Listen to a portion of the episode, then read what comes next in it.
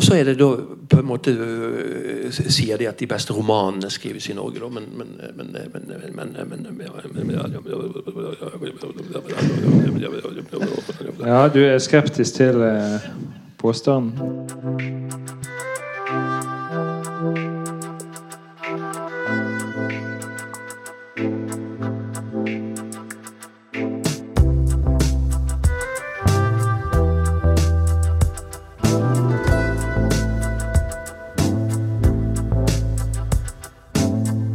Leser Amtmannens døtre eller Stormfulle høyder og tenker at dette var gammelt og kjedelig og tamme saker, så er man dårligere stilt. Men jeg, jeg likte det alvoret som kom inn der, da. Nesbø har jeg aldri lest, riktignok, men um, Lene Andersson ble jeg nylig lurt til å lese. Og jeg er mer positiv nå enn noen gang. Og så er da diskusjonen i gang. Alltid ufullkommen, alltid mangelfull, men alltid verdt å føre. Velkommen til en ny utgave av eh, Hagesalongen. Mitt navn er Erlend Lisberg. Med meg har jeg som vanlig litteraturprofessor og kritiker i Morgenbladet, Erik Bjerk Hagen. Ja, Erik. Abdul Razak Gurna, du hadde vel han på listen? Nei. Det var som en som skrev på Facebook Ah, Gurra, en gammel favoritt. Men, men jeg tror ingen kan si det. Selv ikke, selv ikke, hans forlegger i England. Hun var uh, tydeligvis overrasket. Hun har ikke vært særlig populær. Ikke så populær. Nei, Vi snakker jo selvfølgelig da om eh, dagens nobelprisvinner i eh, litteratur.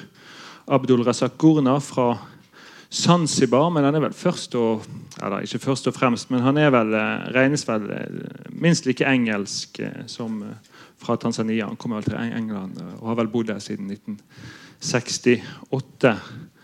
Har du, gjort, eh, har du fått eh, sett på forfatterskapet eller eh, lignende disse timene etter kunngjøringen? Nei da, det har jeg for så vidt ikke. Men jeg har lest en del om det. da, og Det var, det var jo veldig tydelig at det var nølende, nølende mottatt både i England og USA. Veldig små, veldig små omtaler og overraskende omtaler også der. I The Guardian etter hvert så kom det en større artikkel i The Guardian da, med intervjuer med forleggeren blant annet, og, og andre. Og det er klart at de Bøkene hans er blitt respektfullt om, uh, anmeldt opp gjennom årene. En av dem var jo nominert til Booker-prisen osv. Men uh, men alle er jo glade for at det ble Afrika, da. Så, så der, der innfridde jo da svenska akademien. De torde ikke å ta en, eh, en innadvendt europeisk sånn eh, som sitter og filer på setningene sine. Nei. Nei, det virket som at alle var, eh, alle var veldig fornøyde. da. Altså med... Da. Han virker lettlest. Altså, altså han virker lett å lese. Mm. Ja, jeg søkte på eh, navnet i mediearkivet, og det var jo ganske få eh, og varierte anmeldelser i den norske offentligheten. Litt mer i det svenske. Eh, Aftenposten lenket til en anmeldelse fra av denne romanen 'Ved sjøen' under overskriften 'Ikke helt vellykket'.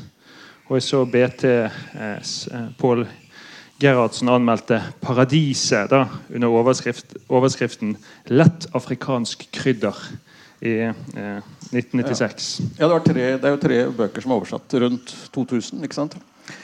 To er bare så oversatt til svensk. Og der har det skjedd helt uten oppmerksomhet, ifølge mine svenske kontakter. Ja. øh, vil dette si at tiden er over for eh, dem som eh, ønsker å forutsi eh, hva Nobelkomiteen eh, Den svenske akademien kommer til å gjøre? Det har alltid vært, alltid vært helt uforutsigbart. Jeg så Dagbladets første overskrift var, var 'Skuffelse for Norge'. Ja, for de håpte på Fosse eller Knausgård. Ja, av en eller annen grunn. Er det noen andre norske du kan tenke deg kan være aktuelle kandidater i fremtiden? Solstad begynner å bli gammel, men han er vel også en kandidat. Han har jo fått større gjennomslag i den engelskspråklige verden. Så har vi Per Petterson, som har det samme. Så de fire er jo internasjonale navn. da, i hvert fall. Ja, det er jo, De er jo oversatt disse romanene av dette ekteparet Risvik. Det lover jo vel ikke helt godt. Nei, dessverre. Så de må oversettes på nytt, regner jeg med. Ja, det var Det er jo... dumt av Aschehoug, selv om de er stolte av å ha tre bøker allerede, så er det så dumt av dem å bare sende dem ukritisk ut, tror jeg. Ja, De er jo særlig berømte for dette her when the, shit, 'When the shit hits the fan'. Og Da de oversatte det til 'Da ekskrementene nådde ventilasjonssystemet'. Men ja, det er kanskje urettferdig. De oversatte jo utrolig mange bøker, men sikkert for mange og for fort. da. Men, men Offentligheten var mye, mye mindre kritisk den gangen eh, på, før 2000. Etter det har den jo blitt mye mer kritisk når det gjelder eh, oversettelser. Ikke bare biografier, som må ha mange fotnoter, men også, også oversettelser, som må være nøyaktige. Og kritikeren sitter der med originalen i ene hånden og oversettelsen i den andre. Det er noe ganske nytt. ikke sant? Ja, det er vel bra. Men apropos kritisk, så er det en annen ting jeg ville ta opp med deg. Og det er jo at du sammen med Aftenpostens Ingunn Økland var en av få som var virkelig negative til Karl Ove Knausgårds siste roman 'Morgenstjernen'. Du var vel kanskje den aller verste. Senere fikk jo boken gode skussmål i USA og Storbritannia etter oversettelsen. Ja, Det er et år senere. da. Det er nå, det. Ja da. Også, men du har inntil nå stått alene. Men nå har du omsider fått en meningsfelle i The Guardian med navnet Sam Bryers. 'Bloated and Inconsequential' heter fra han de fleste misliggede kunstverk er helt enkelt mangelfulle. En god idé, lite vellykket utført. En ambisjon som overgår ens evner. Men morgenstjernen er annerledes. Dens mislykkethet er total og totaliserende. Mor morgenstjernen er en død planet. Knausgård, dens utbrente sol. Han er jo enda slemmere enn deg. Abs absolutt. Total avvisning. Det var, min, min var, ikke, var, ikke, slakt, slik jeg oppfatter det. nå. Men uh, det er klart boken døde jo også litt i norsk offentlighet. Den fikk jo ingen sånne prisnominasjoner. og Det var ikke noe diskusjon om den, så vidt jeg husker. da. Så det er mulig de, de som uh, anmeldte positivt av gammel vane, de, de, de, de ombestemte seg halvveis. Ja, nå kommer jo bind to ut, så vi får se. Eh, vi må videre, for vi har jo et eh, stort program foran oss. Eh, vi skal snakke om Kjell Askildsen, som ble bisatt denne uken. Og så er det ti år, For ti år siden så ble det jo snakket mye om far-sønn-tematikk i litteraturen. Og nå er det tydeligvis mor som skal til pers. Vi skal snakke litt om sønnenes biografier om Marie Takvam og Bjørg Vik, om mødre i litteraturen. Så er vi så heldige å ha med oss en gjest Senest forrige uke så satt vi jo en hel eh, gjeng oppe på universitetet og snakket om hvilke som var de beste forfatterskapene de siste 20 årene. Og da var det konsensus eh, og umiddelbar konsensus om vår gjest. da. Så Forfatteren Thomas Espedal blir eh, med oss senere i episoden. Og med han skal vi snakke om hvorvidt forfatterne påvirkes av litteraturkritikken. Hva de syns om oss anmeldere og om kritikken lever opp til forfatterens, forfatternes forventninger. Og så skal vi i tillegg eh, diskutere da hvorvidt vi skal legge denne debatten om forfatterskolenes eh, eh, påvirkning på litteraturen. Får vi en kjedeligere og mer ensartet litteratur pga. disse forfatterskolene? Men vi får vel egentlig bare gå i gang.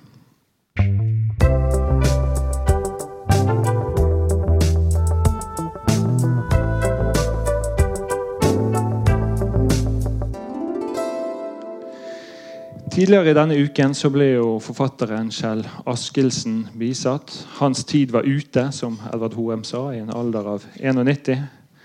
Askildsen, som debuterte tilbake i 1953, har vel siden gjennombruddet vært eh, regnet Gjennombruddet kom for så vidt litt senere, i 60-tallet kanskje. Har vel vært regnet som en av Norges beste forfattere. da, Pga. sin minimalistiske og kresne novellekunst og han er vel også ja, han har vel vært diskutert som en nobelkandidat, egentlig. En av de med internasjonalt ry.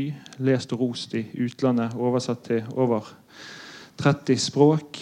Men hva er det du finner spesielt med Kjell Askildsen, Erik?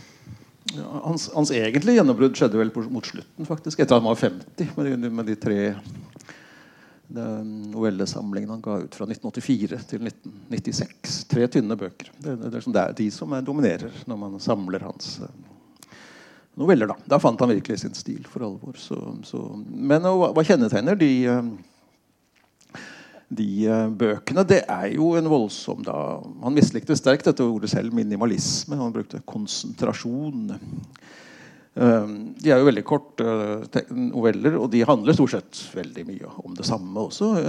Det er, ehm, er, eh, innestengte familierelasjoner som er på bristepunktet. Det er en sønn som oppsøker en far, en mor, en søster, en bror. Eh, som de egentlig aldri kan fordra. Eh, to søsken sitter og snakker om faren. 'Nei, jeg har aldri likt far', sier han.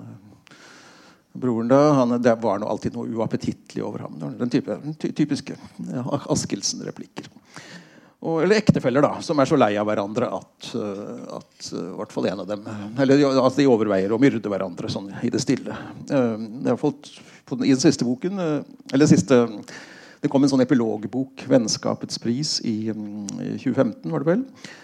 Men han avsluttet nesten så å si også forfatterskapet med denne 'Hundene i Tessaloniki' i 1996. Og der er det i hvert fall to noveller der sånn, det mordet ligger og ulmer under da, mellom ek ektefellene. Eh, og Da forsvant også noe av humoren hans, kan vi si, som han hadde mye av tidligere. Da var det mer sånne, Disse gamle, litt sure mennene var litt sånn sjarmerende eksentrikere som bare stolt og ensomt da foraktet sine omgivelser og sine medmennesker. Men uh, i denne Særlig denne hunden i, eller fra Tess, i Tessaloniki så, så, er det mye mer rått og knugende, og det er mer skadede personer. da, og noe mer sånn ulmende, eksplosivt over det. Uh, og Han kalte selv da denne, denne utviklingen at han, at han, fant frem til en uh, amoralsk fortellermåte. Han tok ikke stilling, han bare presenterte tingene helt nakent. Så det var vanskelig å vite om man skulle holde med eller være imot. Om de var genuint skadet, eller, eller hvem de var, disse, disse hovedpersonene. Som så med et svært mørkt blikk på omgivelsene. da.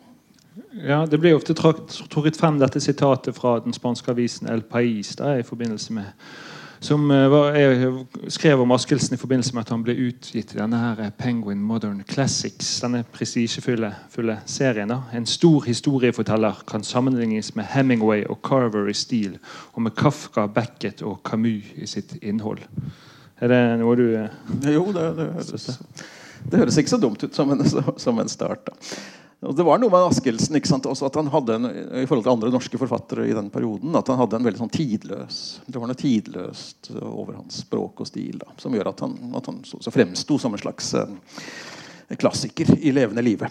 Mer, mer, enn noen annen. Mens andre liksom skriver om sin tid og er fanget av sin tid, så hadde han liksom hevet seg litt over. Og så var han jo en myteomspunnet forfatter. Altså, han hadde jo en, en litt sånn spesiell eh, forhistorie. Sant? Oppvokst i et eh, kristent hjem i Mandal, men brøt med kristendommen og ble kommunist. Eh, var med, Tjenestegjorde i Tyskland-brigaden, men ble i løpet av oppholdet i Tyskland eh, militærnekter. En kort periode var han jo turistsjef i Mandal, og fem år drev han veikro langs E18. Eh, men du var inne på hun i Tessaloniki. Og etter det så sluttet han jo nesten å skrive. Ja, og det også var interessant um, um, også når, når, det gjelder hans bakgrunn. Da, det, det, det, jo, det, har jo noe av, noe av sammenheng da, med den senere tematikk. Det å komme seg vekk fra familien var på en måte hans sentrale tema. Altså. At familien er ødeleggende. Altså, Man må gjerne stifte familie og være i familien, selvfølgelig, men, men um, bare hvis det, hvis det, fungerer. Ellers må man komme seg vekk så fort som mulig. Det er på en måte en, en, en Vi skal, ikke gå, inn, vi skal ikke gå inn på personlige erfaringer. men um, ja, det var litt spesielt når det gjelder forholdet forfatter-kritiker i denne 'Hundene i Tessaloniki'. Fordi um, altså han, som var jo en genuint videreutvikling, eh, som, som, som, han selv sa. og Han var stolt av boken. og han tok han, da han selv samlet sine 18 beste noveller sent i livet, så var alle de seks fra den boken tatt med. faktisk da. Eh, men altså, den, den, gangen så var Kritiker-Norge også litt annerledes. Det var uh, eh, 1996 var Dagbladet fortsatt liksom, kulturavis nummer én. Og der var det en kritiker som hadde holdt på lenge, nemlig Øystein Rottem.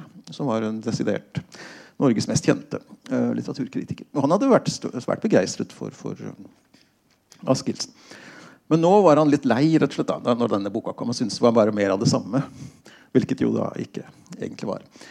Men uh, slik han så det, og det er mulig også da det var en slags stemningsskifte midt på 90-tallet, at, at, at, folk ikke ville ha en sånn uh, undertone. Naken, fortettet litteratur, men at de ville heller ha, ha masse skrift og fantasi. Eksplosjoner og sånn.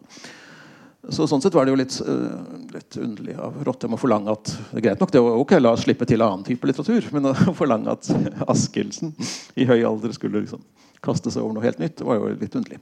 Men uansett uh, Askildsen sa selv da, at, at, det var derfor han sluttet å, å, å skrive, pga. denne ene, ene anmeldelsen. Og i intervju med, med, med Alf Andre Hagen så sier han da nøyaktig om dette Sitat.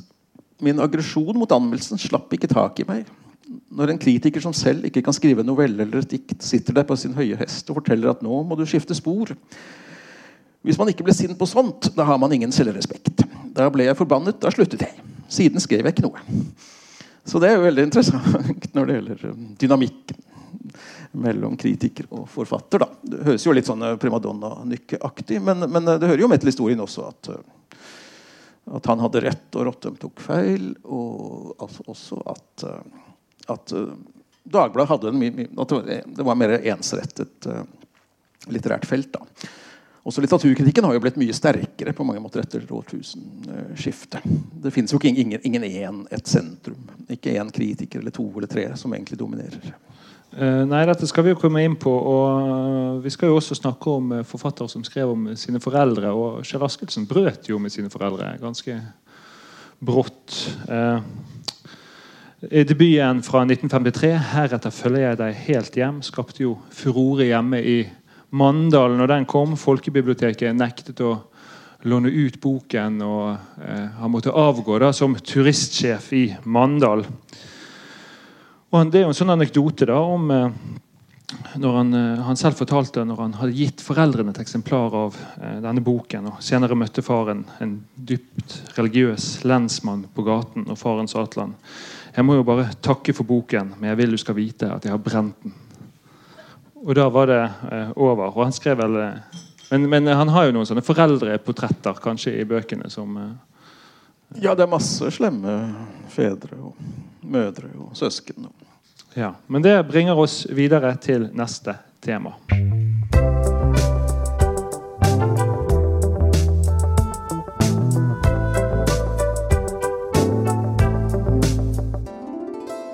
For vi skal snakke om å skrive om sine foreldre, og da særlig om sin mor. For det var mye snakk om dette far-sønn-forholdet i litteraturen for ti år siden. Tore Renberg sin Jarle Klepp-trilogi. Trilogi. Eh, eller, men Den har vel blitt utvidet til fire, kanskje. Karl Ove Knausgård, Per Petterson. I sakprosaen så var det jo mange farsoppgjør. Trond Kirkvåg om sin far Rolf. 'Kom ikke nærmere'. Vette Lid Larsen. 'Hvordan elske en far og overleve'. overleve. Og Ivo Figueredo skrev jo en bok om sin voldelige far eh, med tittel 'En fremmed ved mitt bord'. Hvor blir det av mor i litteraturen? spurte forfatter og senere litteraturprofessor Janne Stigen Draksholt i Aftenposten i 2012. Og ni år senere er vel ikke dette spørsmålet like aktuelt. Du har jo skrevet om eh, fjorårets pris, eh, litteraturprisnominasjoner i forlengelse av eh, vår første hagesalong. Og Der var det vel flere som skrev om sin egen mor. Eller nesten alle. Mm. Ja, Sandra Lillebø, Vigdis Hjorth fortsatt. Uh Beate Grimsrud. Karoline uh, Brennjord, den poeten som vant uh, kritikerprisen. Uh, så det var mor. Over, overalt mor. Absolutt. Og I høst har det også tom, kommet da to eh, sønner som skriver om sine mødre i eh, to ja, jeg vet ikke om jeg skal kalle det biografier. da, Politisk kommentator Magnus Takvam, som jeg tror eh, satt omtrent her i går har jo skrevet om eh, forfatteren Marie Takvam, sin mor. Og skuespiller Lars Vik har skrevet om sin forfattermor Bjørg Vik.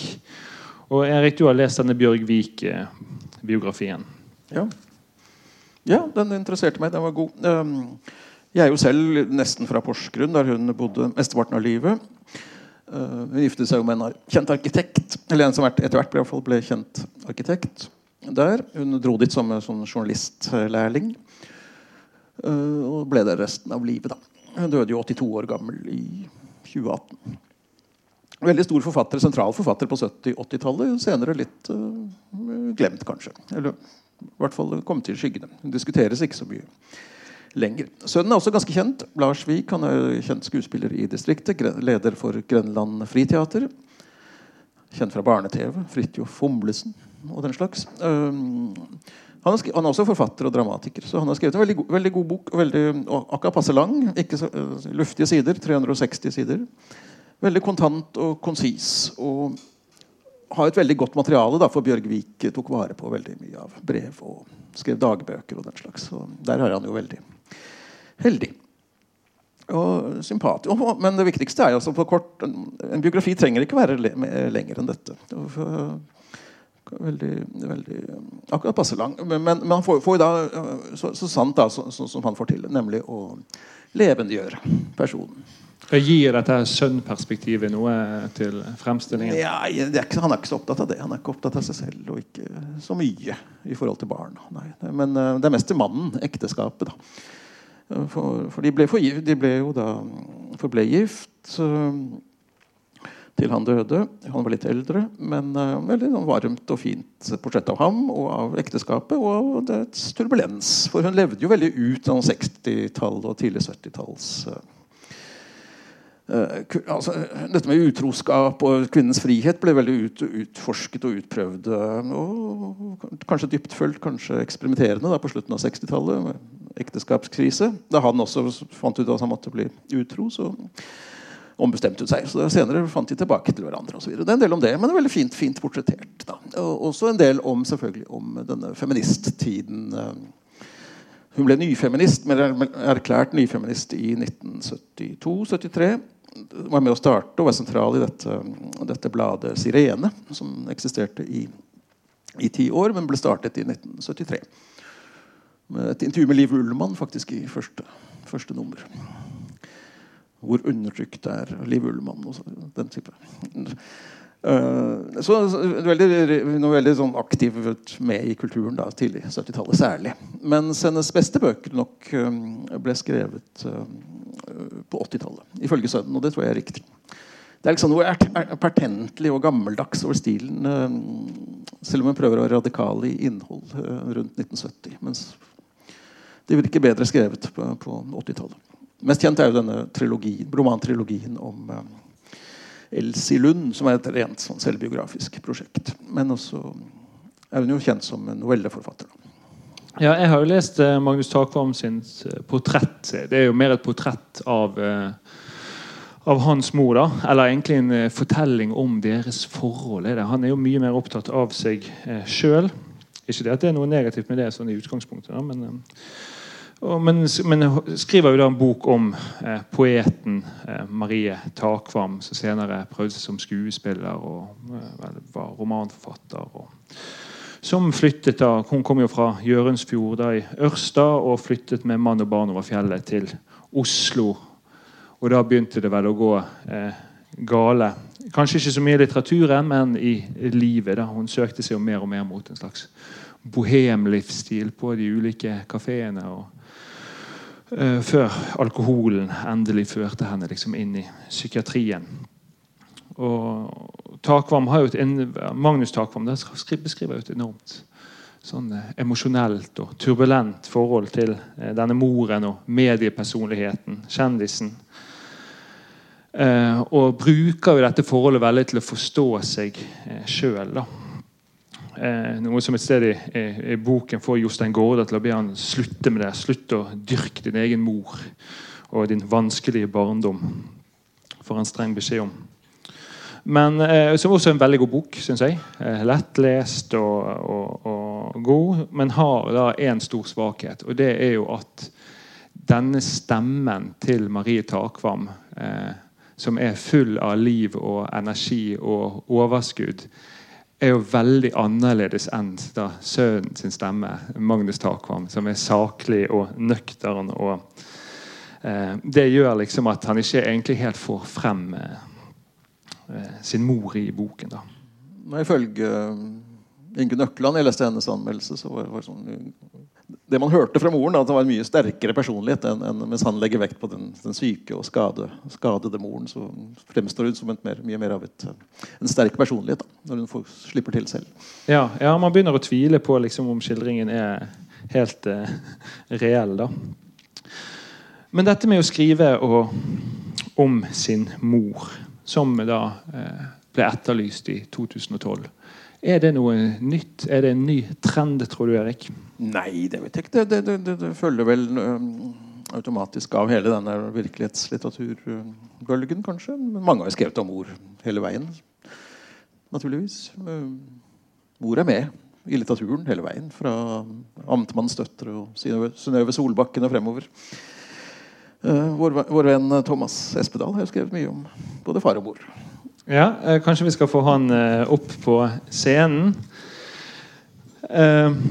Thomas debuterte jo med romanen 'Vill flukt fra parfymer' tilbake i 1988, og har jo utviklet et populært og kritikerrost og prisvinnende forfatterskap Uh, og han skriver jo også om sin mor. Men uh, velkommen til oss, Thomas. Jo, takk. Men, men, det gjør jeg altså ikke. jeg har skrevet en bok om moren. Og det er en, det er en stor forskjell. Altså, jeg skrev en, en bok som heter 'Blond'. Og jeg har aldri noensinne skrevet såkalt virkelighetslitteratur. Og dette er faktisk litt viktig å, å, å kunne skille. Den gangen, i 96, så leste jeg nesten utelukkende lyrikk. Og Det som slo meg, det var det at, at jeget i lyrikken var, var, fritt. Det var aldri noen som spurte Stenmeren om Anne Cecilie eh, var en, en, en, en, virkelig person. Det var aldri noen som spurte Jan Erik Vold om, om, om, om de om de diktene hadde relasjon til hans mor. Det lyriske jeget gikk på en måte fritt gjennom litteraturen.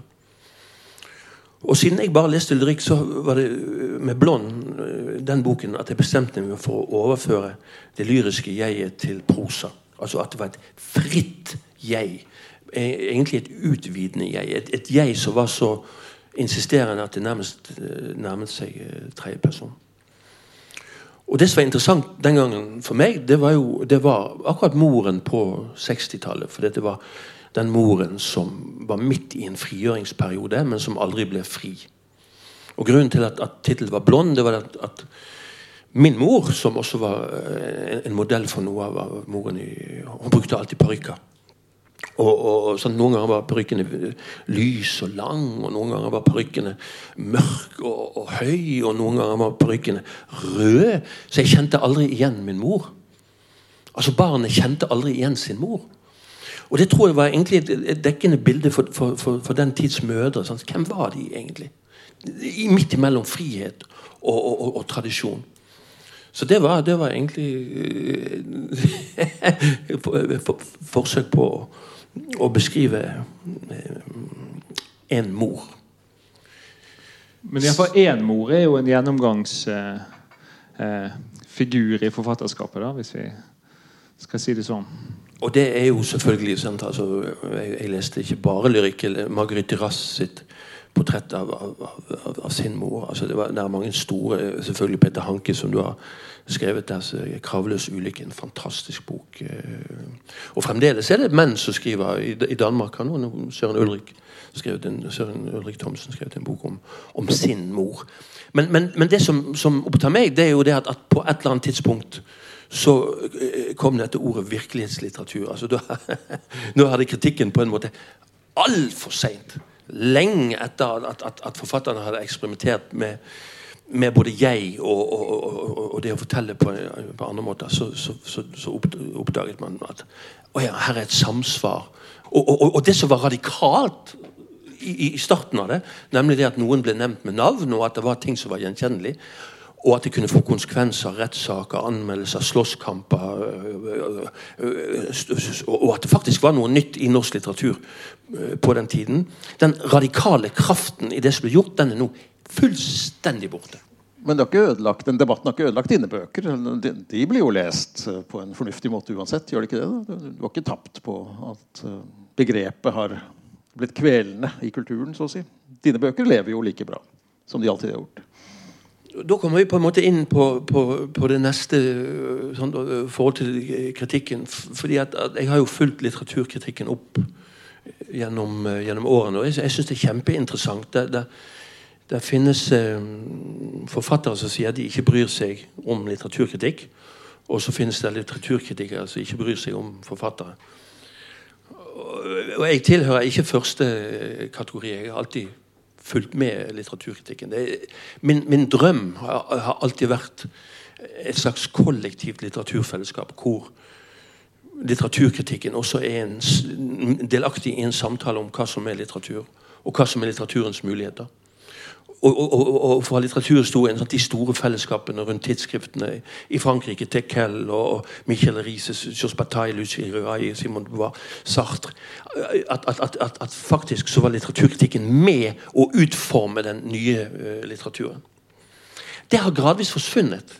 Uh, det var en periode, det, det, må jeg si, på 90-tallet i Bergen uh, som var magisk og det, det, var når Bernhard Ellefsen eh, var her, og Mastak Sjafjan var her, og Susanne Christensen var her, og, og Audun Lindhalm var her, og Preben Jordal var her, og Frode var uh, ung, og dere var her. Og, og, det var et enormt altså, og Karl Ove Knausgård var her, og Monica Aasprung var her, Miriam Christensen var her, Pål Gitmar Eriksen var her, Lars Ramsli var her, Pål Norheim var her. Det var et enormt miljø i, i Bergen, og det var et enormt kollektiv kraft i det miljøet. Og det inkluderte litteraturkritikken. Det var utrolig spennende hva som ble skrevet både i Vagant og i avisene om det miljøet. Sånn, på godt og vondt. Men, men, men, men, det var på en måte en, en slags sånn uh, gyllen tid. I, og, og, og, forfatterne har utelukkende fordeler av en sterk litteraturkritikk. Og Det er magisk, for det er sjelden at slike situasjoner oppstår. Men Profiltiden eh, i Oslo hadde jo litt av det samme. Men de, de anmeldte seg jo hverandre ganske friskt, faktisk. Ikke sant? Ikke bare positivt, slett ikke. Men de var, ble, ble, hverandres kritikere også. Så det, det var også et gyllent øyeblikk. Det viktigste var jo at, at litteraturkritikken var, var sterk. Altså, vi fikk jo alle juling av både Preben og, og, Frode, men de var gode. Sant? intelligent. Skrev godt. Det har også på en måte blitt vannet ut, og det tror jeg har, med et viktig punkt å gjøre. Og det, har, det gjelder først og fremst aviskritikken.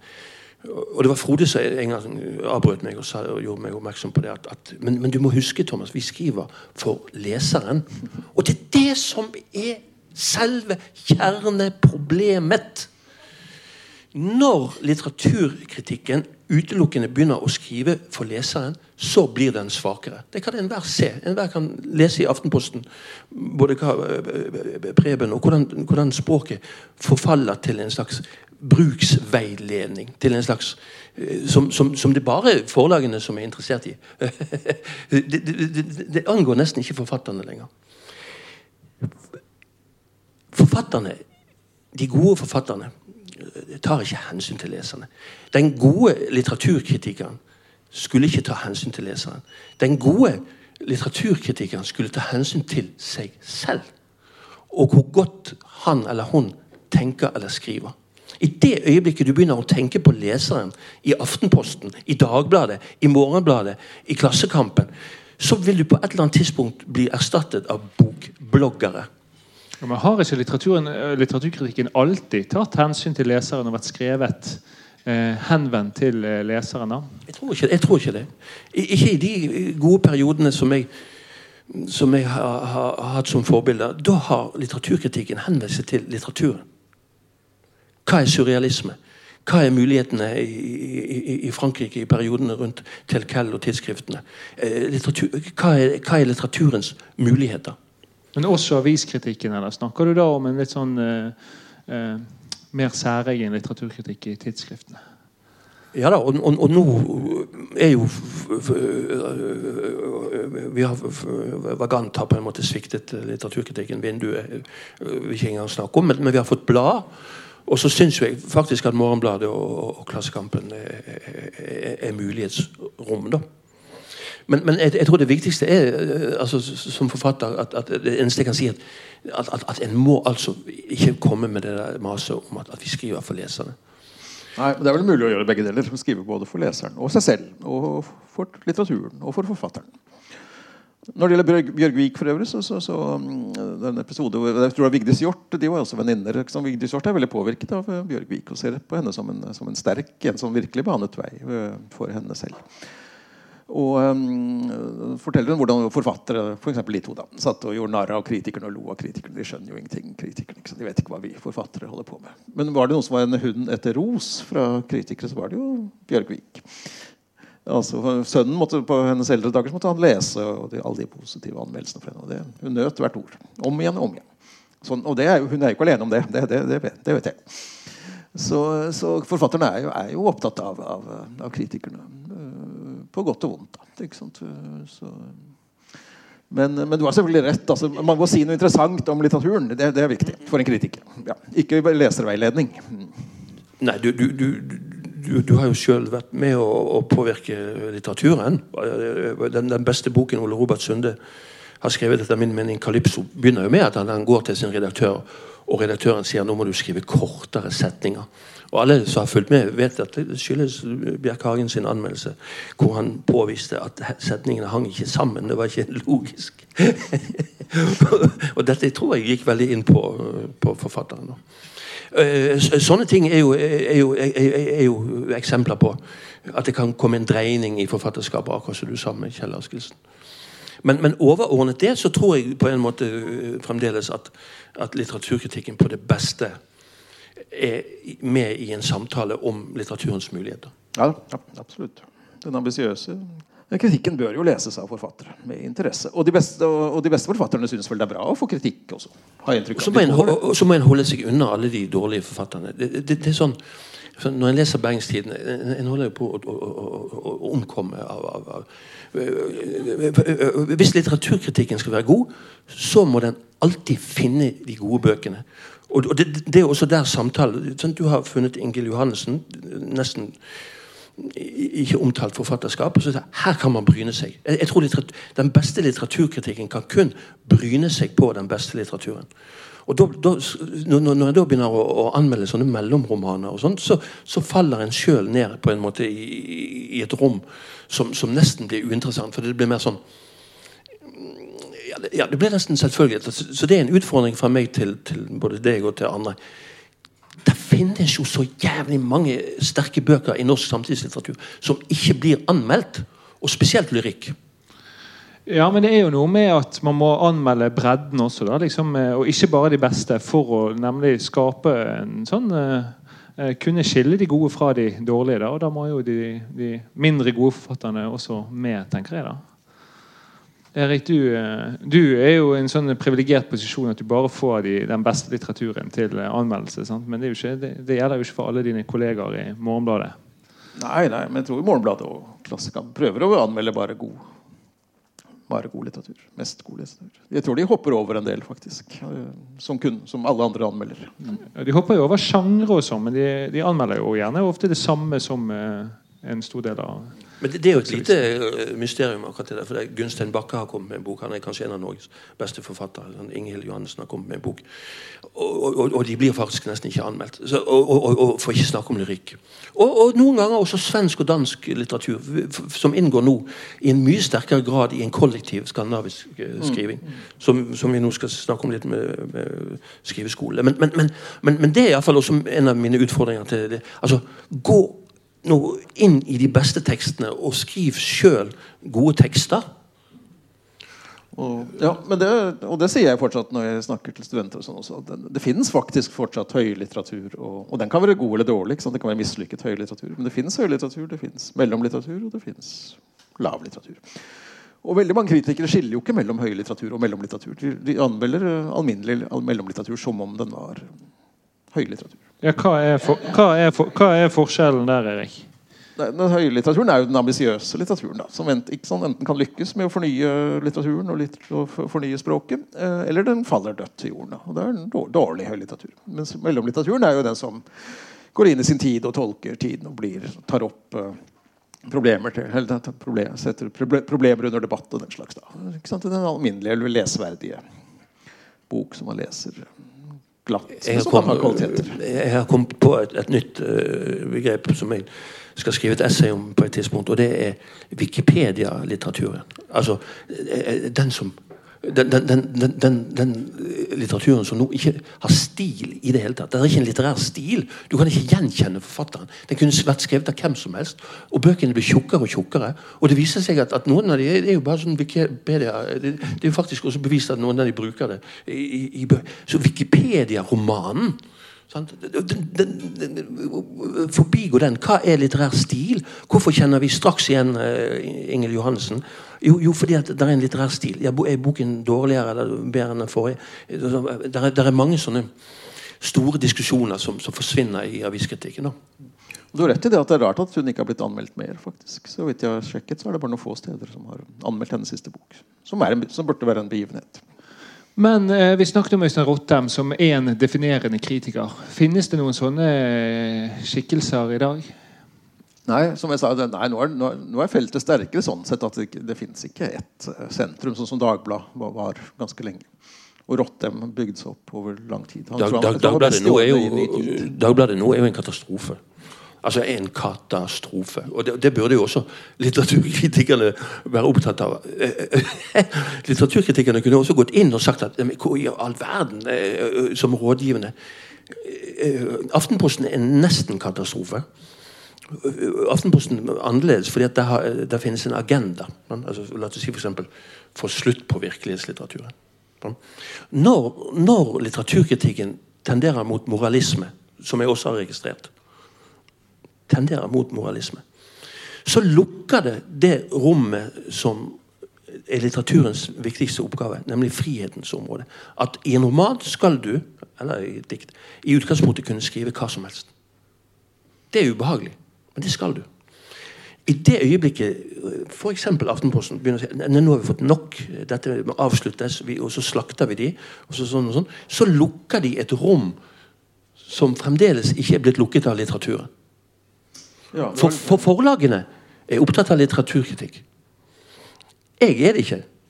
Annet enn som på den positive måten at jeg håper at den blir god. Men, men hvis jeg for skulle si med min siste bok at, at det, det, influerte på meg, så hadde jeg jo vært paranoid. Den, den, den ble hardt anmeldt av deg og av deg, og så øh, velfortjent. velfortjent. Men den får fem av hun her, Katrine Krøger i Dagbladet.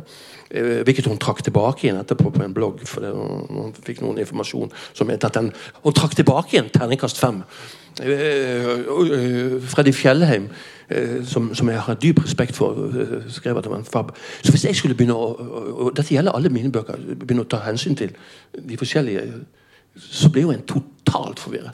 Så det en gjør, det er at en, en bygger sin lesning på tillit. Jeg har tillit til Bernhard Ellefsen. Jeg har tillit til Karina Badari, jeg har tillit til Karina Frøysland, jeg har tillit til, til Katrine Heiberg, jeg har tillit til, til han, og jeg får det vel etter hvert til deg. men, men hvis ikke du har den tilliten, hvis ikke du har den tilliten, så betyr litteraturkritikken nada. Men Du snakket om en sånn eh, moralistisk vending. da, men Er det ikke også kritikers oppgave å, å, å påpeke moralske problemer eller etiske problemer i, i litteraturen?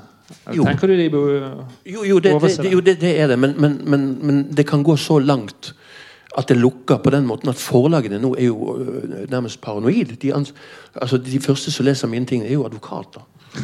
Øh, og, og, og, alvorlig, det, det, er lettere for meg å si nå at jeg vil ikke utgi, for det er, klima, det er ikke godt klima å utgi bøker i. Altså, jeg har bare lyst til å skrive. Fordi at, at, at, det har fått konsekvenser, det som, som Aftenposten har gjort, øh, både med Vigdis Hjorth, og at en, at en begynner å bli nervøs for, for hva en kan gjøre, og hva en ikke kan gjøre.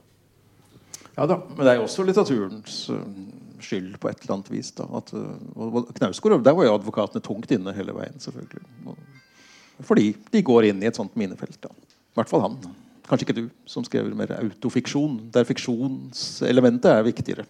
Eksplisitt. Ja, så, så, så, Jeg skal ikke snakke så mye om mitt eget, men, men jeg, jeg har virkelig lært uh, av annen litteratur, tredjepersonslitteratur og lyrikk, hvordan en kan bygge opp en karakter og rolle. Så jeg, jeg, har, jeg har egentlig ikke Og jeg blir på en måte litt oppgitt de gangene jeg blir knyttet til det begrepet. Men Blant dine kollegaer, da, føler du at uh, andre forfattere bryr seg om kritikken? Påvirker det de? Uh, blir Abs de absolutt. absolutt. I, de, I den perioden på 90-tallet Vi skal ikke gå for mye inn på det enkelttilfellet, men så var det faktisk folk som, som, som sluttet å skrive. Og det, det skal en huske at uh, litteraturkritikken, ikke nødvendigvis den ene kritikeren, har mye makt. Og Det, det, det som var på 90-tallet, sånn, når Vagant hadde dette kraftnummeret, så det, du fikk en følelse av at nå skal ikke vi som litteraturkritikere finne oss i at forfatterne står på den høye hest, og vi bare er sånn servile. Det er vi som definerer hva som er god litteratur. Det var en kamp. Og Den kampen den var god, for det var jævlig dyktige folk. Men et par stykker røk i den kampen fordi at forlagene de er opptatt av, av, av litteraturkritikk. Og hvis, hvis for eksempel, eh, Preben gjorde et par ganger han, han, han, han kritiserte forlagsredaktørene. Altså etter å ha slaktet boken så gikk han inn og sa men dette skulle jo Gyldendal aldri ha utgitt. Og da er du inne på et virkelig eh, For det tar, det tar forlagene sånn, Selvfølgelig de er opptatt av salgstall. Og, og den diskusjonen som jeg nå følger i, i Danmark, så, så, så, som går i Vikenavisen, så sier, sier Lars Bukdal hvis dere holder på sånn, så er det bokbloggerne nå som blir de eh, store litteraturformidlerne. Mm. Men, men, du snakker at, om at der var det et eh, På 90-tallet da, så at det var et slags eh, eh et, et, hardt forhold da, mellom kritiker og forfatter. Men er det en fare at vi nå har blitt for, for gode venner, rett og slett? Jeg tror miljøet, litteraturmiljøet nå er svakere. Mye svakere i Bergen. Der er nesten ikke noe energi igjen i, det. Noe som skyldes Litteraturhuset uh, hovedsakelig. Når noe går gjennom institusjoner, så, så, så forsvinner det sugd ut kraften i forfattermiljøet i Bergen. Men jeg opplever noe av den samme energien på Litteraturvitenskapelig institutt. Sant? Du har, du har de, unge kvinner og menn som, som når jeg leser prosopopeia, og når jeg hører de drikke øl og diskuterer, og, og, så gjenkjenner jeg jeg gjenkjenner den energien uh, på det instituttet. Så nå, nå, er det på en måte der det interessante skjer på Litteraturvitenskapelig institutt i Bergen. Nesten ingenting litterært i Bergen å, å snakke om. Mm. Alt sånt er jo kortvarig. Det profil, berømte profilkretsene varte jo bare halvannet år. hvor det tidsskrift og de, de, holdt sammen. Og så spredte det seg og gikk i oppløsning. Uh, og det samme så er, så er, det jo Feltet er nå åpent, enten i BLA eller på universitetet. eller hvor som helst. Hvem som helst kan jo starte en liten gruppe og markere seg. ikke sant? Eller i Vårt Land plutselig så, så bygger de opp en brukbar, brukbar kulturredaksjon. Men han er jo nå gått til Gyllendal. Ja, ikke sant? Mm. Eh, men, men, men, det er spennende, for, for det, det er jo det som jeg har en forhåpning til. Sånn at, at, at, de to miljøene som faktisk var ett miljø altså Hvis du gikk et sted. Og, og, og det å, å, stå ansikt til ansikt med, med, med Bernhard og Mastak og Susanne og, og, det at Vagant var her selvfølgelig sånn som tidsskrift. Og Prosopopeia hadde gode nummer, romantikknummer etter hvert. Trude Kristin Mjelde Aavik. Og, masse gode tekster. Masse gode tekster som ble skrevet. Frode skriver glimrende tekster. Uh, sånn, så, så det, det, det, påvirker, det påvirker uh, forfatterne så er det det der litteraturhusgreiene. Det er så trist, så trist, så trist. All energien som var i miljøet i Bergen, er gått ut. Det, det, det bare glir inn i sånne dumme, halvgode arrangementer. Og, og, så plutselig får vi 5000 kroner for å sitte og snakke tull, og så får vi 6000 kroner. Og, og, og, så er det steindyrt å sitte og drikke der, og så er det helt dødt. Det er helt dødt inni der. Så det, det må en være klar over. At, at, at det, og det er ikke bare i Bergen litteraturhusene, litteraturhusene i Norge har, har, mer eller mindre sugd ut kraften av litterære miljøene. Men jeg trodde ditt forhold til litteraturhusene hadde, var på, liksom på bedringens vei. Jeg etter du var så kritisk til uh, før det kom, og så at du hadde mildnet i ditt uh, inntrykk. Men nå er, nå er du tilbake. Ja, ja, for nå har jo jeg blitt invitert inn og sett hvordan de holder på. Det, men Erik, du har jo snakket tidligere om den venneløse kritikeren. Eh, at kritikeren ja, kanskje burde forbli venneløs. Man bør dø venneløs, i hvert fall. Det er klart. Hmm. Da har man vært en vellykket, uh, vellykket kritiker. Men, men, burde det være mer fiendskap? Mere. Nei, burde... men trykk, som sagt, altså Gode forfattere de, de liker ikke kritikk, egentlig. Ibsen elsker kritikk. Han tålte kritikk veldig godt. Stort sett. Og de fleste forfatterne liker det. Den liker den type motstand. Ole Robert Sunde jeg snakket med, han, han liker det. Det, det, det er sant. sant? Jeg, jeg, jeg tror øh, noen av oss er, Noen av oss, jeg, jeg inkluderer meg sjøl, for jeg, jeg har sett så mye rart. Men, men jeg får en, en, på en måte en slags respekt for et fag. Sant? Man skal respektere det at dette er et fag. Og noen gjør det på sin måte, og så kan en diskutere om, om, om det, det var en god måte eller en du, brukte ordet slem. Finnes det slemme? Sånn, Nei, det, det, men det ondskapsfulle litteraturkritikk, det, det er ikke jeg alltid så, så, så glad i. Neida, det er lett. Man, man sitter jo i en, maktposisjon som kritiker på en måte, og slår liksom nedover. på en måte Lett kommer i en posisjon hvor man begynner å slå nedover. Da. Men hvis man skriver dårlig, så, så er det jo en selv som er utsatt i neste omgang. Det er klart. Kritikere kan jo også anmeldes. Ja, men det skjer jo veldig lite. Du har jo gått ut mot uh, i uh, ulike anledninger, både mot uh, Vinduekretsen under uh, daværende redaktør Preben Jodal og mot uh, litteraturens balleklorin, uh, Vidar Kvalshaug. Men, men aldri skriftlig. Aldri skriftlig.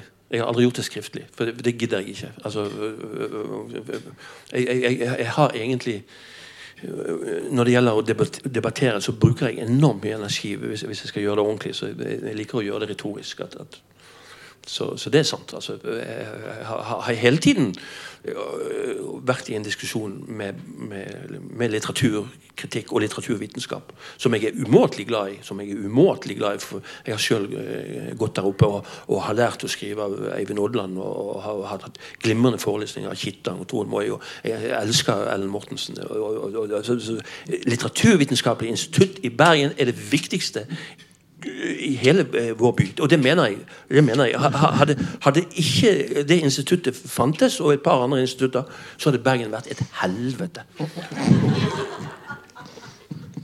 Og det var det når jeg debuterte i 1980. Så, sa, så, så satt jeg på et kontor med en krimforfatter og en poet og, og noen greier fra Nordhordland og, og Sunnhordland og gud vet hvor de kom fra. Sa jeg er dette miljøet i, i, i Bergen? Og, og, og, og, det, var, det var sånn De første bøkene mine ble anmeldt av andre forfattere. Tove Nilsen, Espen Håvardsholm. Brodin. Jeg ble anmeldt av Elin Brodin. Dette er det verste for forfatterne. Det å bli anmeldt av kollegaer.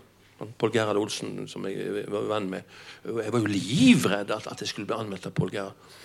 Så, så det er jo et stort, stort, stort, stort, stort fremskritt å bli anmeldt av litteraturkritikere. Ja, Det er interessant, da, for, ikke sant? For, for ofte så er, det jo, er jo ikke forfatterne så gode anmeldere. Selv om det har vært en del noen gode i Norge, forfatterkritikere, så, så, så, så er det jo ofte ikke så gode. Så det, det er en fordel at kritikere finnes, da. Ja, mange, mange er- Aftenposten er vel blitt en sånn forfatteranmelderavis eh, i stor grad. Eh, jeg lurer på om vi skal gå eh, videre i programmet.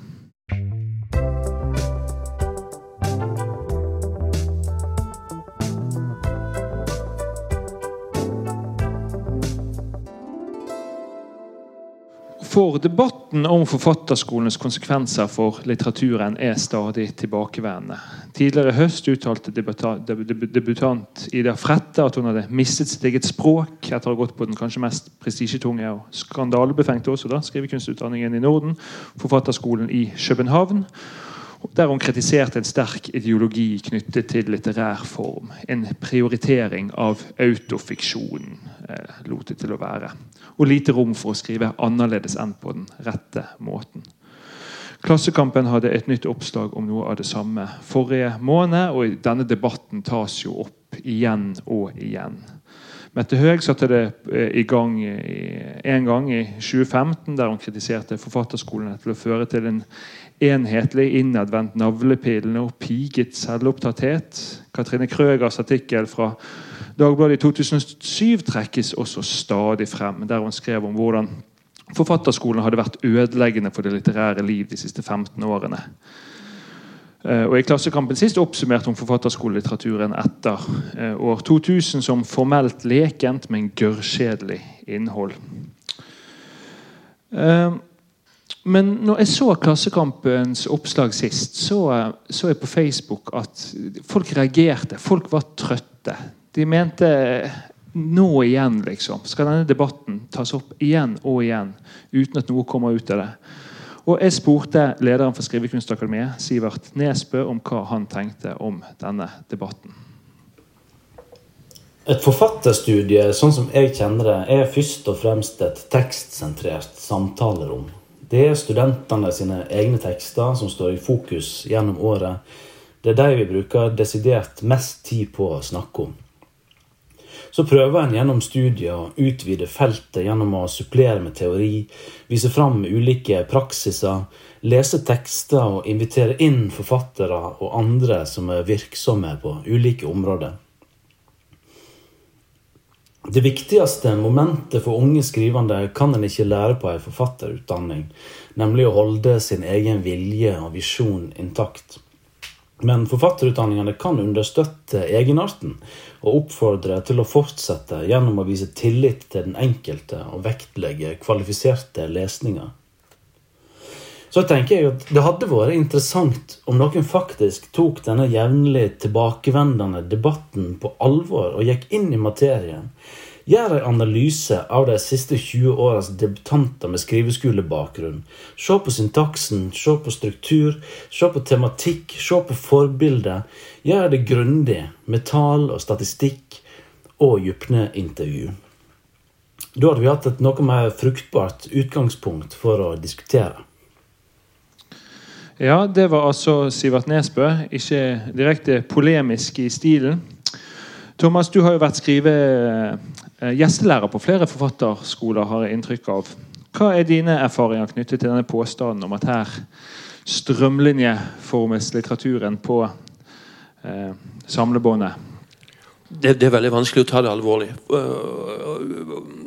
Jeg, jeg, var ikke helt sikker på hvordan jeg skulle angripe det der, for det, det, er, så, det er så til de grader useriøst. Men jeg burde jo kanskje av og til prøve å undersøke hvorfor det kom. Første gang jeg husker det kom, det var jo faktisk fra fra en filosof, Knut Olav Åmås, eh, som skrev en artikkel om, om at, at, det var bekymringsverdig nå at folk som manglet yrkeserfaring eh, satt på akademiene og skrev eh, helt virkelighetsfjerne tekster. Akkurat da var jeg eh, lærer i Bergen, og Tina Aamodt jobbet på en eh, byggeplass. Og, debuterte med, med, det arbeidet, og det var masse arbeiderlitteratur. Den, den erfaringen gikk ikke tapt, sånn som Aamodt var redd for. Men disse innspillene kommer riktignok med jevne mellomrom, og det blusser opp. Blusser opp og, og, folk krangler og slåss og river hverandre i håret. Og nå holder de på i, i København. Og, og pga. denne artikkelen til Ida Frette i Morgenbladet, så, så, så, ble det trykket i Aftenposten, og så går det rett inn i problematikken i forfatterskolen i København. Eh, jeg har lyst til å si, bare sånn for de som skriver, og, og bare sånn generelt sett, at det er veldig store forskjeller på forfatterskolen i København, på, på litterær gestaltning som er toårig i Göteborg, og på Skrivekunstakademiet i Bergen og, og, på skrivelinjen i Tromsø og i Bø. Veldig store forskjeller. Så, så det, det, det la, Hvis vi bare tar fatt i det med Ida Frette, for den, den, den, den eh, forvirret meg eh, en, en, smule. For hun gikk på et av de sterkeste kullene jeg noensinne har sett i København. Bjørn Rasmussen, Olga Ravn, Asta Olivia Nordenhoff, Josefine Klogart Stine Pilgaard altså det var bare, altså det hadde, det altså, altså, og, og, det hun sier, det var at hun fikk skrivesperre. Ja, det er jammen sant ikke rart. Men så skylder hun på at, at, at, at skrivesperren kom av dette kravet om autofiksjon. Hvis en ser på de bøkene i Danmark, så er de så ulike. Og det, det er nok en sånn misforståelse med dette selvbiografiske. At det liksom er én ting. Bjørn Rasmussen skriver om, om homoseksualitet, og om, om, om, hud, og om innvoller, og om, sin hund og, og, sin mann, og at han ikke har kysset på tre år. Josefine skriver en nydelig eh, landskapsberetning uh, fra Mols. Olga Ravn skrev en av de beste debutbokene jeg har lest. Jeg er der meg selv som lyng. Uh, Asta Olivia Så satan! Det, det, det, det, er ingenting i de bøkene som ligner hverandre.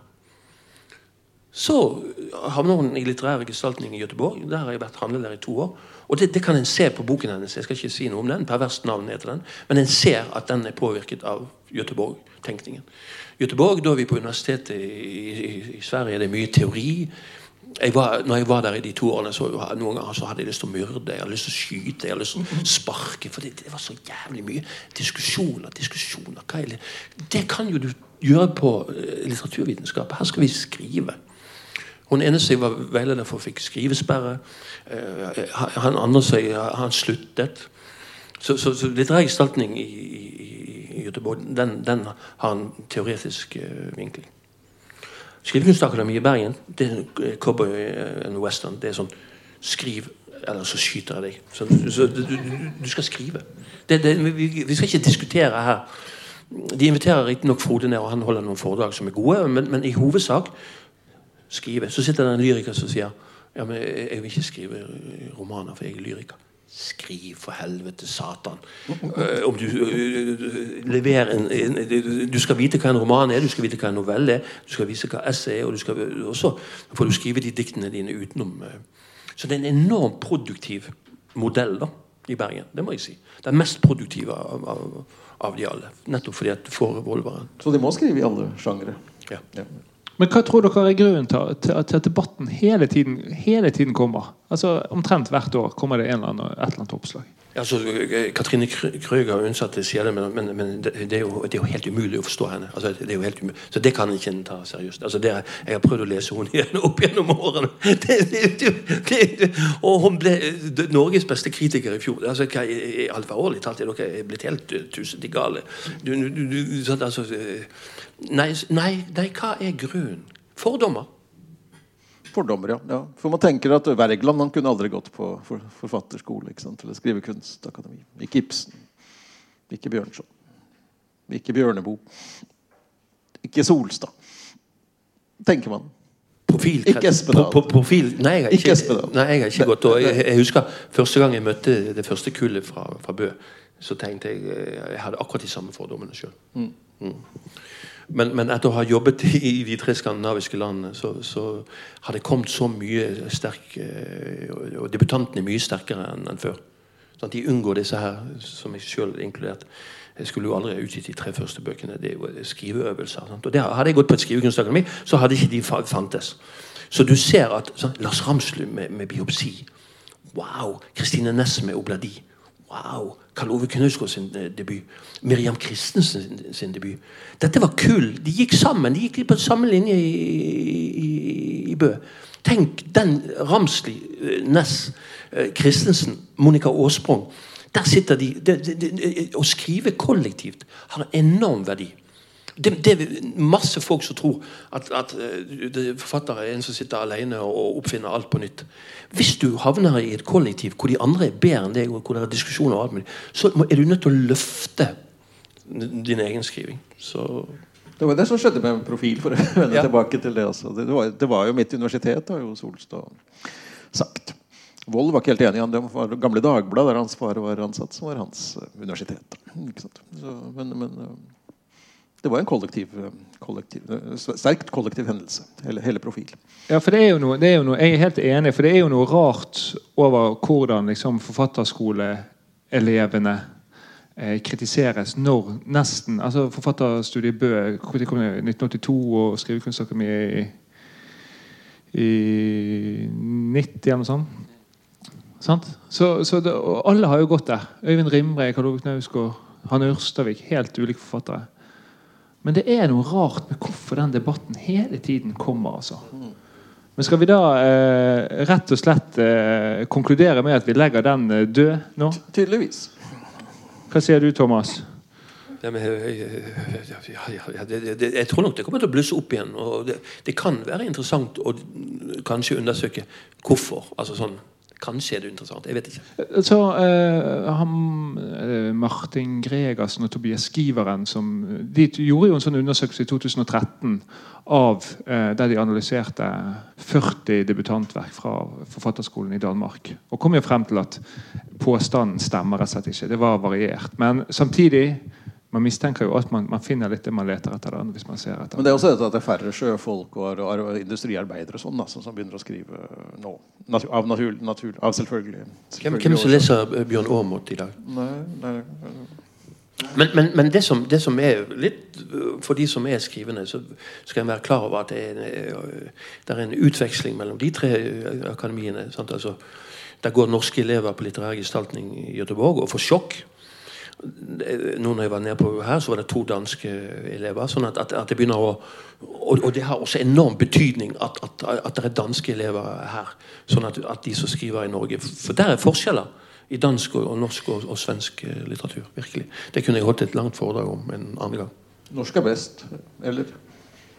Altså, Svensk er jo, det er jo lyrikk. Sant? Det er jo lyrikken, Den svenske lyrikken. Ja. Mm. Eh, Anne Gjedelund. Og, og, Den er så brei, og, den er så svær. Og, sentrert rundt tidsskriftene OI og, Glenta. Og de har så mange tidsskrifter. Faen med vinduer og Vaganta. Så det, det sånn, så Tidsskriftene driver frem disse her uh, forfatterskapene. Danmark nå uh, En enorm energi rundt lyrikken også. Eh, jeg tror vi skal ta og rett og slett og legge, gravlegge debatten om eh, skriveskolenes samlebåndspreg og eh, gå videre til siste spalte. Eriks topp fem. Har vi kommet så langt? Vil du sitte over videre Thomas, og reagere på dette her våset som nå kommer? Var den god? Hvordan var den god? Hvorfor var den god? Hvor mange fullkomne Ibsen-skuespill finnes det? Ikke så mange. Ja, det, det, er flott. Det var flott. Det var flott. Men jeg, jeg, jeg, Ibsen som forfatter hadde i det hele tatt sine begrensninger. For ikke å snakke om Hamsun og Undset. Bjerk Hagens topp fem. Ja, Erik, hva er det du har til oss i dag? ja, jeg måtte ha noe som var relatert. da. Så da tenkte jeg på mødre i litteraturen. For de har jo stått sterkt fra, fra disse, denne store inngangsportalen da, med, med Synnøve Solbakken og amtmannens døtre. Ikke minst der amtmanninnen jo er mye viktigere enn uh, amtmannen som en undertrykkende kraft i forhold til sine døtre. Uh, så, uh, så, så, er selvfølgelig mor med overalt. Da. Men jeg tenkte ikke i de mest markante mødrene i norsk litteraturhistorie. Det klarte jeg ikke å komme frem til. Oh, ja. Men selv om Bjørnson og Ibsen og var... Undset mange selvfølgelig kunne, kunne, vært nevnt. Hamsun er dårlig på både mødre og, og fedre. Bortsett, bortsett, kanskje fra i Markens grøt. Men jeg vi tar det i nyere litteratur, da. Ok, ny, Hva definerer du som nyere litteratur? Nei, de siste, siste 20 årene. 30. Ja, ja, ok. Femteplass, en bok jeg har skutt av uh, kanskje for ofte. da, Men, men, men det er et sterkt mors, morsportrett etter mitt syn. da, Og fjorårets, for meg, kanskje beste bok. Sandra Lillebøs uh, 'Tingenes tilstand'. Som nå i dag ble oversatt til svensk. eller kom på svensk, sorry. Veldig nært og, og, og, og sterkt morsportrett av denne syke moren som denne syke datteren har må skrive seg løs fra. Og mange har sagt at hun er at det er et slags uh, Hun sier det selv også, er redd for det selv, et overgrep mot moren. Men, men jeg synes det er, det er, et veldig rørende portrett også av denne syke moren, som har, har klart seg gjennom livet på sånn halvveis da, med en ja, seriøs uh, sykdom. Ja, og En roman som er et argument mot Thomas sitt, uh, sin påstand i stedet om at virkelighetslitteraturen og utviklingen av den er det synes jeg er godt, er godt død. For den er jo virkelighetsnær. Alt tyder på det. Fire, da, Hanne Ørstaviks kjente bok eh, 'Kjærlighet'. Denne store, store gjennombrudd. Det er, da er vi tilbake på 90-tallet. da. Men, men, altså denne moren der, denne som, som, som sånn, lar sønnen gå til grunne mor. og uh, Alenemoren som lar sønnen leve sitt, helt sitt eget liv. Der, der, der er det et eller annet sånn uforglemmelig som, som er, man husker. Selv om man leste boka på 90-tallet. Uh, tredjeplass Vigdis Hjorth, 'Arv og miljø' etter manges mening da hennes beste bok. Eh, der er jo moren uh, hovedperson på mange måter. Og er en skikkelig amtmanninne. Altså der er det en direkte link til, til amtmannsdøtre. Morens rolle der er, er amtmanninnens ja, rolle. Det er et veldig ny. Morsportrett av og miljø, ja vel? Moren er jo, er jo ja, den, store, den, store, den, som fortier og, og forskyver. Og far, far er, jo, er, jo, død for lengst, men det er moren som, som jo nekter å å se sannheten. Så ikke hennes siste roman er, er mor død? Nei, nei, nei, nei, det var ingenting. Det var bare en uh, oppfølger. Det er arvemiljøet som gjelder der. Andreplass Trude Marstein, også, også hennes uh, mest kjente bok, muligens. Uh, som kanskje nå er litt glemt, men, men fortsatt veldig god. 'Plutselig hører noen åpne en dør'. Det er vi rundt 2000. Som handler om den alene moren som er student, og som er en skikkelig ironiker. Da, som er livredd for å bli tatt i et uironisk øyeblikk. Også i forhold, til barne, barneoppdragelse. Og forholdet til, til den lille sønnen, er det vel. Uh, også en uforglemmelig sånn, hold, altså, en gjennomironisert person som, som mener at man, hun må holde på den ironiske stil, og som ikke klarer å komme ut av den. Det, og at altså, hun klarer å lage en lang bok med den holdningen der. Sånn, angsten for å ikke være ironisk. Det er en bedrift. Og, og gullstandarden på førsteplass? Ja, det er satt eh, Per Petterson, som jo skriver veldig mye om uh, moren i disse bøkene, om, uh, om uh, Arvid Jansen. Hans om ikke alter ego, min, min stuntmann kaller han jo, kaller han jo da Arve, Arvid Jansen. Og moren er veldig hans, hans danske mor veldig mye med fra første mesterverk, denne 'Aske i munnen, sand i skoa'. Den første romanen fra 80-tallet. Men um, høydepunktet kommer jo med 'Jeg forbanner tidens elv'. Som vel kom inn i 2009, så vidt jeg husker. Uh, og der også da, da, da Forhold til mor står helt i sentrum. Hun klabber til ham på, på konditori husker jeg da han sier at han skal sjøl proletarisere seg. For hun er jo en som har sultet etter utdannelse hele livet. Så hun bare slår ham nesten ned. Og så er det han som da etter skilsmisse og liksom forskjellig sånn tafatt følger henne etter til Danmark da hun er på jakt etter sin, sin, sin, sin fortid der. Men det, det er et fabelaktig morsprosjekt. Ja, det var listen. Thomas, hva syns du? Er det Fabelaktig. Thomas sier eh, fabelaktig. Ja, virkelig. Fint utvalg, syns jeg. Mm. Det er sikkert noen som kunne vært med, eller som er glemt. Men det var det jeg kom på. Ja, Fire kvinner, én mann. Mannen på toppen, riktignok. Ja, det var litt uheldig. Jeg tenkte på det. Men jeg, jeg tenkte at ingen skulle si det. Eller se det. Da tror jeg vi skal si tusen takk for oss. Tusen takk til Thomas Espedal som var med oss. Og eh, her er det åpent til klokken 11, så det er mulig å sitte igjen eh, etterpå. Eh, pandemien er over. Det er, alt er bra. Eh, men vel hjem til de som skal det.